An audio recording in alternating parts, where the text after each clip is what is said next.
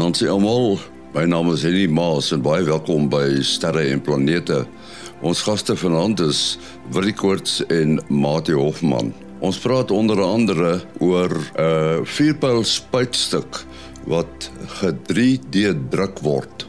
So dit is 'n nuwe ontwikkeling en dan ook hoe Voyager se sagte ware opgedateer word hier van die aarde af. Maar ons stel eers vir Lafra Smit aan die woord om te gesels oor November se kykgeleenthede in die ruimte. Goeienaand Henny en goeienaand ook aan al ons luisteraars. Henny, die jaar is om en November is so waar om die draai. Kom ons kyk wat die maand vir ons inhou.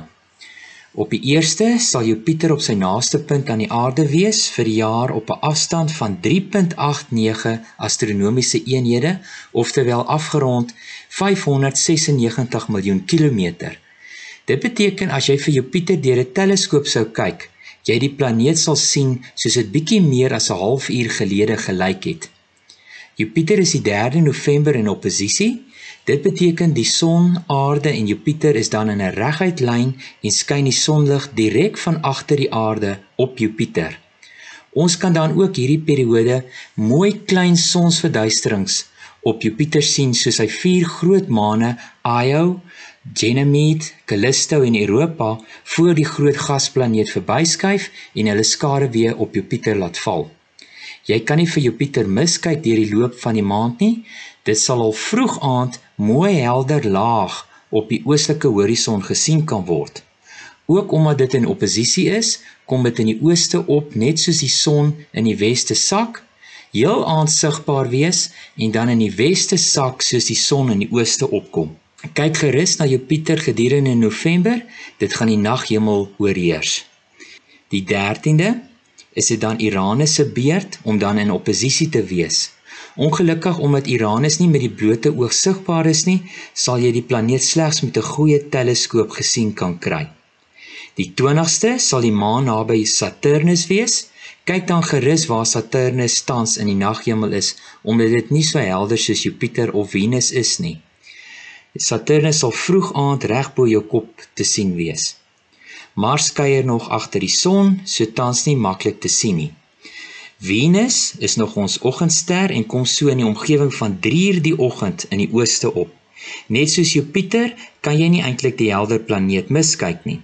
Vroegoggend sal Venus helder in die ooste gesien kan word en Jupiter helder in die weste. Mercurius sal na die eerste week van die maand in die weste gesien kan word. Vroeg aand net na sononder in die weste. As jy wonder waar Mercurius is, kyk op die aand van die 14de, dan sal 'n dun sekelmaan net langs Mercurius laag op die westelike horison gesien kan word, net na sononder.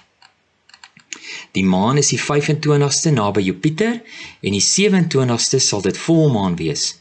Vroeg aand, as jy na die weste kyk, sal jy die skorpioen al laag op die horison te sien kry. In 'n suidwestelike rigting sal jy die twee wysersterre ook laag op die horison wees. Die suidekruis is vir die meeste van die nag onder die horison vir ons almal meer in die noorde van die land. Dan sal daar 'n helder ster in 'n suidoostelike rigting laag op die horison hang wat Canopus sal wees. Kyk jy oos sal jy vir Jupiter sien baie helder op die oostelike horison en dan in die noorde is November die beste tyd om die verste voorwerp wat jy met jou blote oog kan sien, naamlik die Andromeda sterrestelsel, laag op die horison op te soek. Die beste manier wat ek altyd almal verduidelik om Andromeda te kry, is om eers die vier groot helder sterre wat 'n groot vierkant in die noordelike naghemel maak te kry. Dit vorm deel van die konstellasie Pegasus. Hop na die ster heel regs onder en soek dan net nog 'n entjie af en nog 'n entjie verder regs en jy behoort by Andromeda uit te kom. Die sterrestelsel is 2.4 miljoen ligjare van ons af en redelik maklik met die blote oog sigbaar vanaf 'n donker plek. Nou ja, dit is dan my storie vir November, bietjie aan die stiller kant, maar nog steeds baie om vooruit te kyk. Daar is ook 'n reeks kleiner sterre reën verskynsels reg deur die maand maar die jaar eindig goed af met die tweeling of Gemini sterre reën wat in die middel van Desember gaan plaasvind. Maar meer daaroor in volgende maand se insetsel. Tot dan, lekker opkyk almal. Dankie Lafras. Wat jy mens staan verbaas oor die vordering met tegnologie veral met die uh, sogenaamde 3D gedrukte voorwerpe en toerusting en so aan. Nou sien ek dat uh hulle het 'n uh, aluminium vuurpyl spuitstuk of soos die Engels sê 'n nozzle het hulle met 3D gedruk. Nou dit dit dis vir my nogal redelik opwindend. Ja, wie jy as jy nog vir 'n oomblik terugkyk na na 3D drukkers, uh, dis skielik asof 3D drukkers oral en en mense het so in die, in die verlede gehoor van die goeters en en maar dit is dit was soort van nooit in die in die in die in die omgang nie. So so 'n klompie jaar terug het daar 'n student by ons gewerk en en ons het toe juis uh, 'n 3D drukker aan die gang gesit en toe het hy 'n praatjie gegee. Nou ek ek sal nooit my kop uit moet hierso wat ek nou, nou daar gesê het. Ehm um, maar wat vir my toe vreeslik interessant was is hoekom het 3D drukkers nou skielik weer so uh, na vore gekom en dit is 'n patent wat verval het. So die vorige uh, uh, uh 3D drukkers waarvan mense gehoor het vroeër jare terug was die mense wat uh, die patentreg gehad het. Hulle is die enigste wat dit kon gedoen het en die deel van die patent wat dit verhoed het dat die res van die mense dit kon gebruik was eintlik die sogenaamde slicing.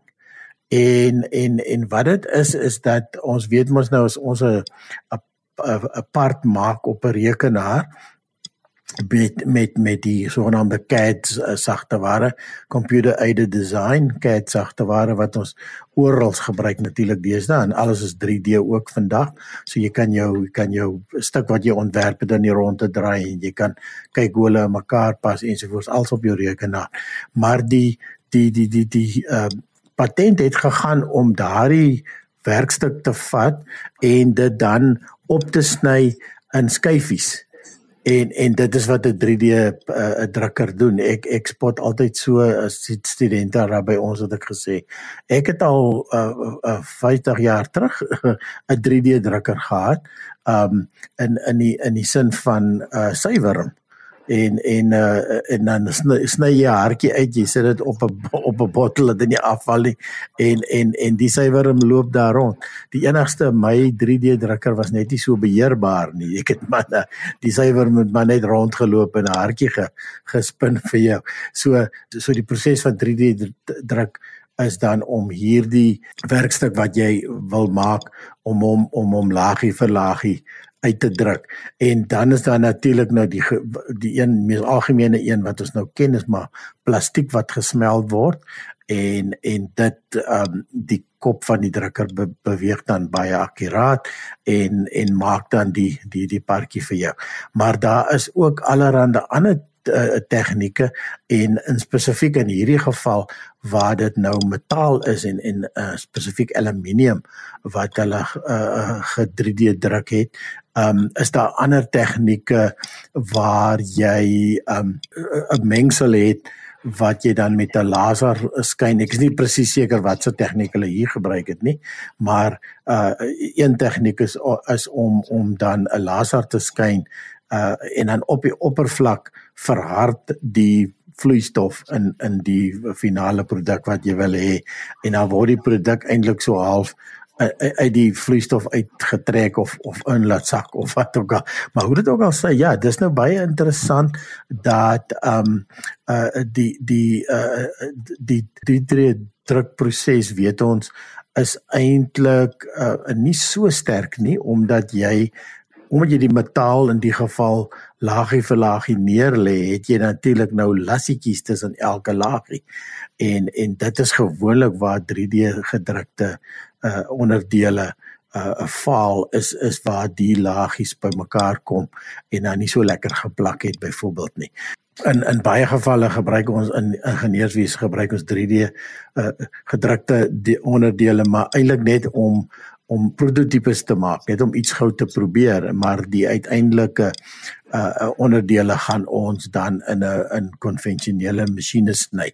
Maar uh 'n 3D druk is ook nie noodwendig vinnig nie. Um ek ben baie van hierdie onderdele gaan vir jou ure vat om te om te om te druk en en dis hoekom ons tipies die goed sommer oor oor nag los laat hulle so lank druk en môreoggend as jy terugkom is jou is jou onderdeel klaar. In sekere gevalle so spesifiek nou hier en en dit is nou waar 3D 3D druk baie baie goed inkom met hierdie uh spuitstukke van van jou of nozzles soos ons gesê het van jou vuurpyl is dat die brandstof wat natuurlik nou baie koud is. Uh, uh jy kan onthou uh of as jy nou uh, destyds met die Apollo sendings en deesdae selfs met met SpaceX se goeders jy jy sien hoe die hele vuurpyl aan die buitekant half opgeëis is as gevolg van die vloeibare uh uh, uh suurstof en dan jou jou brandstof word ook verkoel baie baie koud sodat jy meer van dit kan inkry in jou in jou petrol tank. Soos wat die vloeistof dan deurvloei, is daar baie fyn pypies wat die buitekant van die nozzle vorm. So die nozzle uh, of spuitstuk lyk eintlik solied, maar as jy hom baie van naby gaan kyk, dan kan jy sien dis klein pypietjies wat wat uh, wat dan die temperatuur van die spuitstuk onder beheer hou. Anderster soos in hierdie geval aluminium weet ons smelt uh, ek weet nie presies wat sy smeltpunt vir aluminium maar as jy nou dink aan 'n vuurpyl motor dan dink jy o, aluminium gaan mos maklik smelt. Maar dit is dan juis die vloeistof, die koue brandstof wat deur die engine vloei voordat ingespuit word wat wat dan die engine afkoel. Nou ehm um, as mense 'n bietjie gaan Google die Saturn 5 die vuurpyle destyds vir die Apollo sendinge um het hulle oneindige probleme gehad om daai hoeveelheid stiekrag te kry uit daai engine uit um uh, en verhoed dat die engine hom homself uitbrand. Dit het hulle nou net van sways met brazing en en en silver solder en hierdie tipe van tegnieke gehad uh, uh oneindige probleme gehad om daai engines te bou sodat hulle nie lek nie al hierdie terduisende pypietjies. Nou dis nou waar 3D druk natuurlik nou wonderlik inkom want 3D eh, kan mos nou maklik 'n holtetjie druk. Ja, so hulle het nou hier die engines ges uh begin te uittoets. Um van hulle het hulle al vir vir um solank as 10 minute gehardloop op volkrag en en sonder dat die engine um uh homself uitbrand. Hulle het dit oor en oor gebruik van dit het, het al soveel as 22 toetse ondergaan. En uh ja, so dit lyk nogal 'n interessante alternatief om um in plaas van 'n uh, engine te bou met ter duisende paar paartjies uh, individuele onderdele, kan jy nou die hele ding 3D druk. Daar is nie lekker nie want dit is al jou groot probleem om om hierdie uh, uh vierpas spuitstukke te bou. Mati, ons praat nogal dikwels in die program oor sogenaamde gamma knalle. Nou is daar 'n ek weet nie of daar so iets is nie.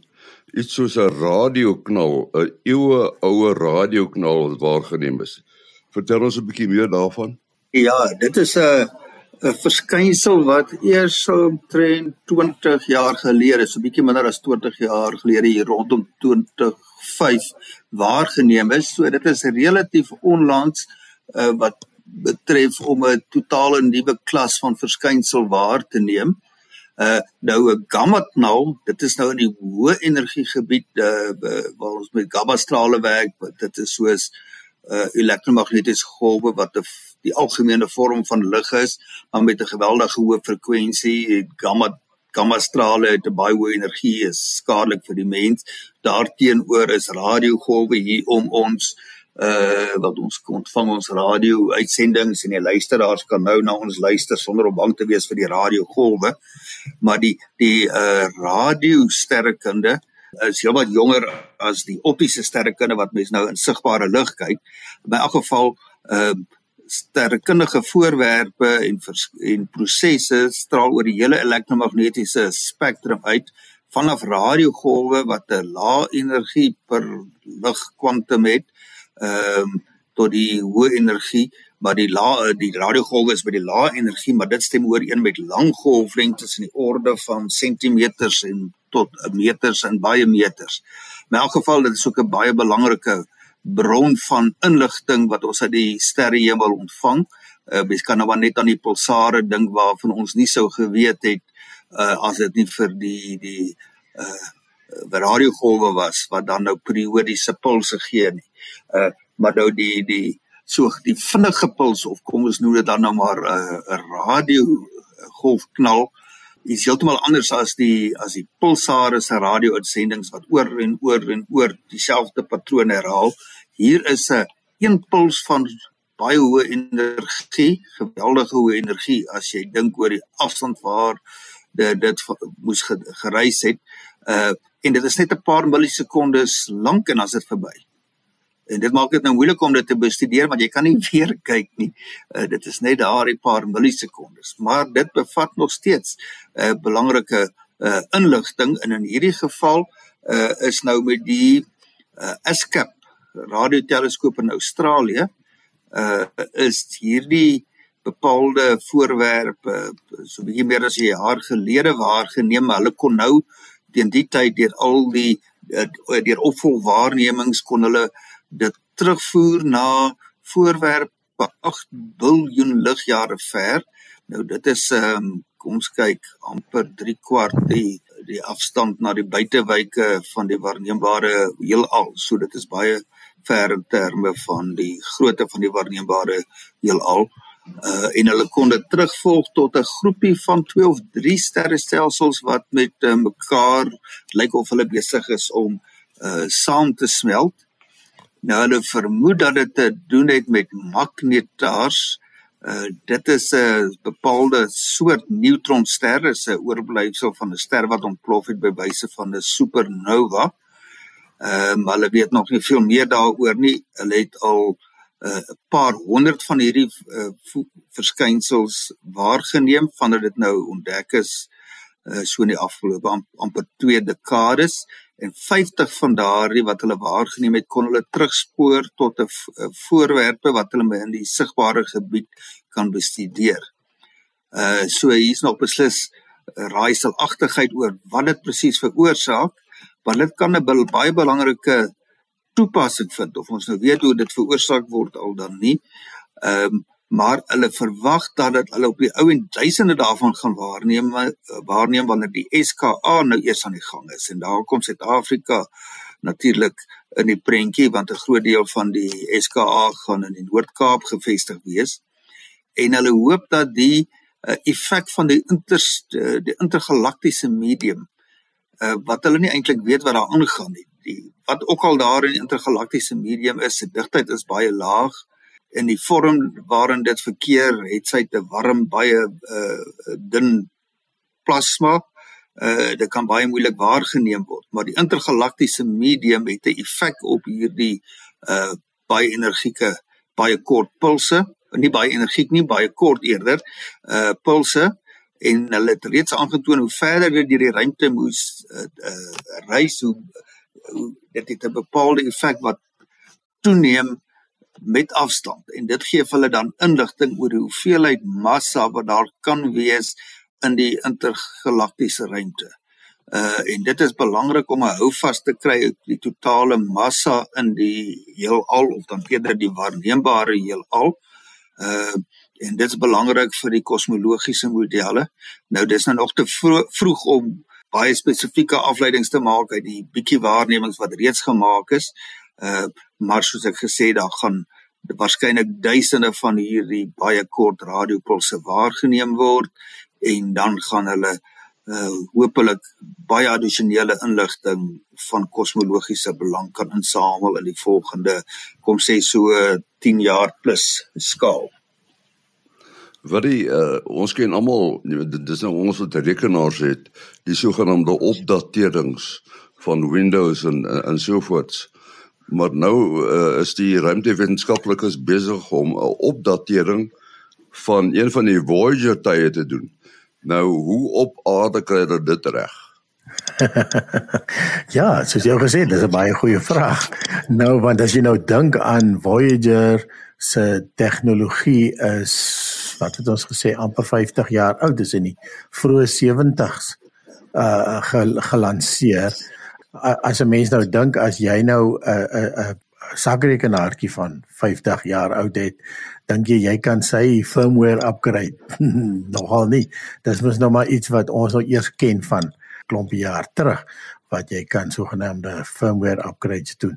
Die die Voyagers is uit die aard van die saak gebou om om dit te kan doen, maar dan is dit nie sommer net vir ehm um, uh jy weet begin stuur die data in in hoop vir die beste nie.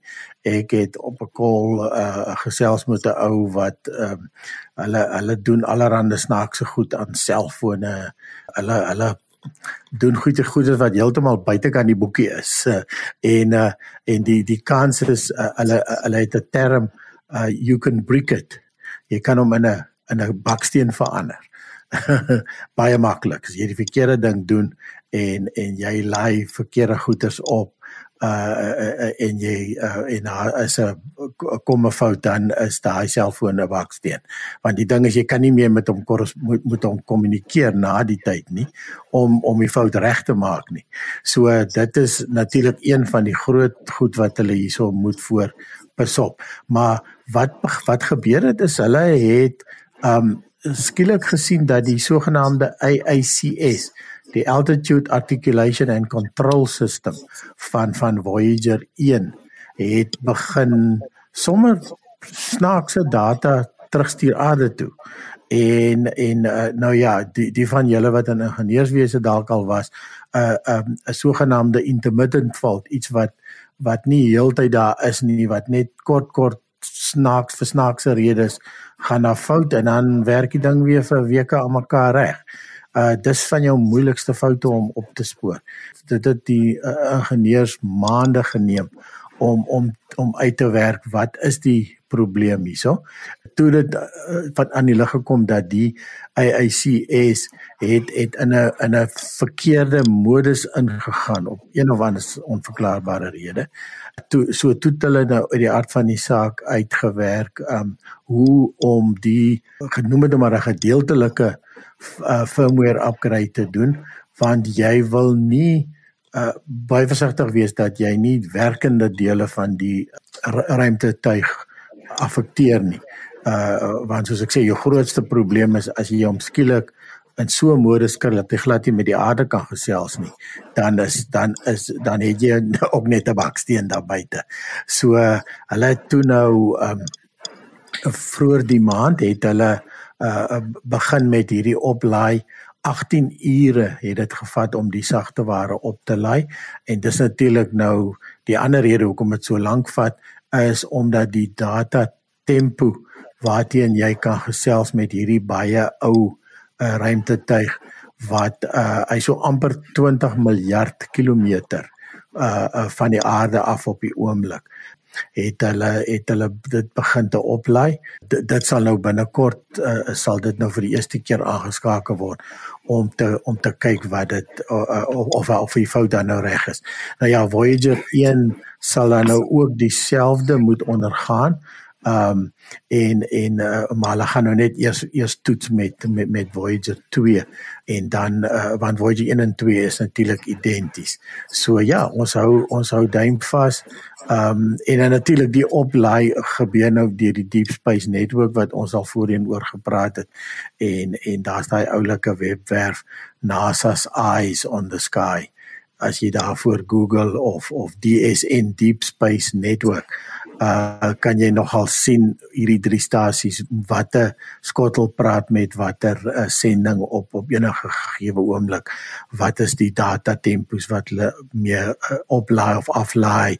Ensovoorts ensovoorts jy altyd 'n baie baie lekker webwerf om sommer net so uh, tussen dop amper soos iemand wat wat wat wat in 'n vuur instaar of na die see staar. Jy jy staar en jy geniet dit en en dit is net interessant om dop te hou Dan net 'n uh, opmerking daarby in aansluiting by wat uh, wil jy nou net genoem het. Hulle besluit om op Voyager 2 die toets te doen want Voyager 1 is reeds verder vanaf die son as Voyager 2, so hy word as bietjie meer waardevol beskou uh want hulle wil nou juis inligting bekom oor die gebied buite die invloedsfeer van die van die son. So uh, waar Voyager 2 ongeveer 18 ligure van ons af is, dink ek is Voyager 1 reeds hier by 22 ligure, so bietjie minder as 'n ligdag. Uh maar dit is net so terloops. Uh, weet julle hoe groot hierdie tye is? So is soos 'n krywa of is hy groter? Sjoe, ja, jy sien nou net prentjies, maar jy het nooit skaal nie. Maar ja, dit sal dit sal seker nie nie veel groter as 'n as 'n mini wees nie, definitief nie. Ek dink is kleiner, jy sê jy sê ja, seker hier by op die diagramme wat ek gesien het, dit hulle amper so groot soos Jupiter gelyk. maar dit is natuurlik ja, ja. Ek by my nou aanvulling my, my aanvulling sê 'n bietjie groter as ek as 'n krywe, maar uh, uh dit is ons kan gerus daaraan gaan kyk. So Ja, uh, definitief. Dalk so amper soos 'n baie klein motortjie. Wel dit ja. die antenna moet jy natuurlik nou daarby insluit en so aan. Ja, ja, die staan natuurlik nou baie ver uit want daar was nou nie sleur effek van die lig nie, ja. Wat is jou besonderhede? Ja, mense kan WhatsApp sommer verkieslik 0724579208.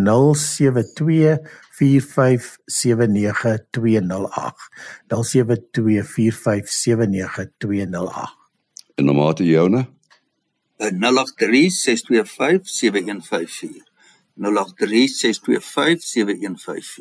En my telefoonnommer is 0825724170. 0825724170. En onder die program kan jy ook na luister op die RSC webwerf as 'n as 'n pot gooi en natuurlik kan jy ook uh, na nuus gaan kyk op uh, ons eie uh, Facebook bladsy Henny Maas en sy ruimte span. Ehm um, ons uh, e-posadres is sterreplanete@gmail.com. sterreplanete@gmail.com. Volgende week is ons terug. Tot dan. Alles van die beste.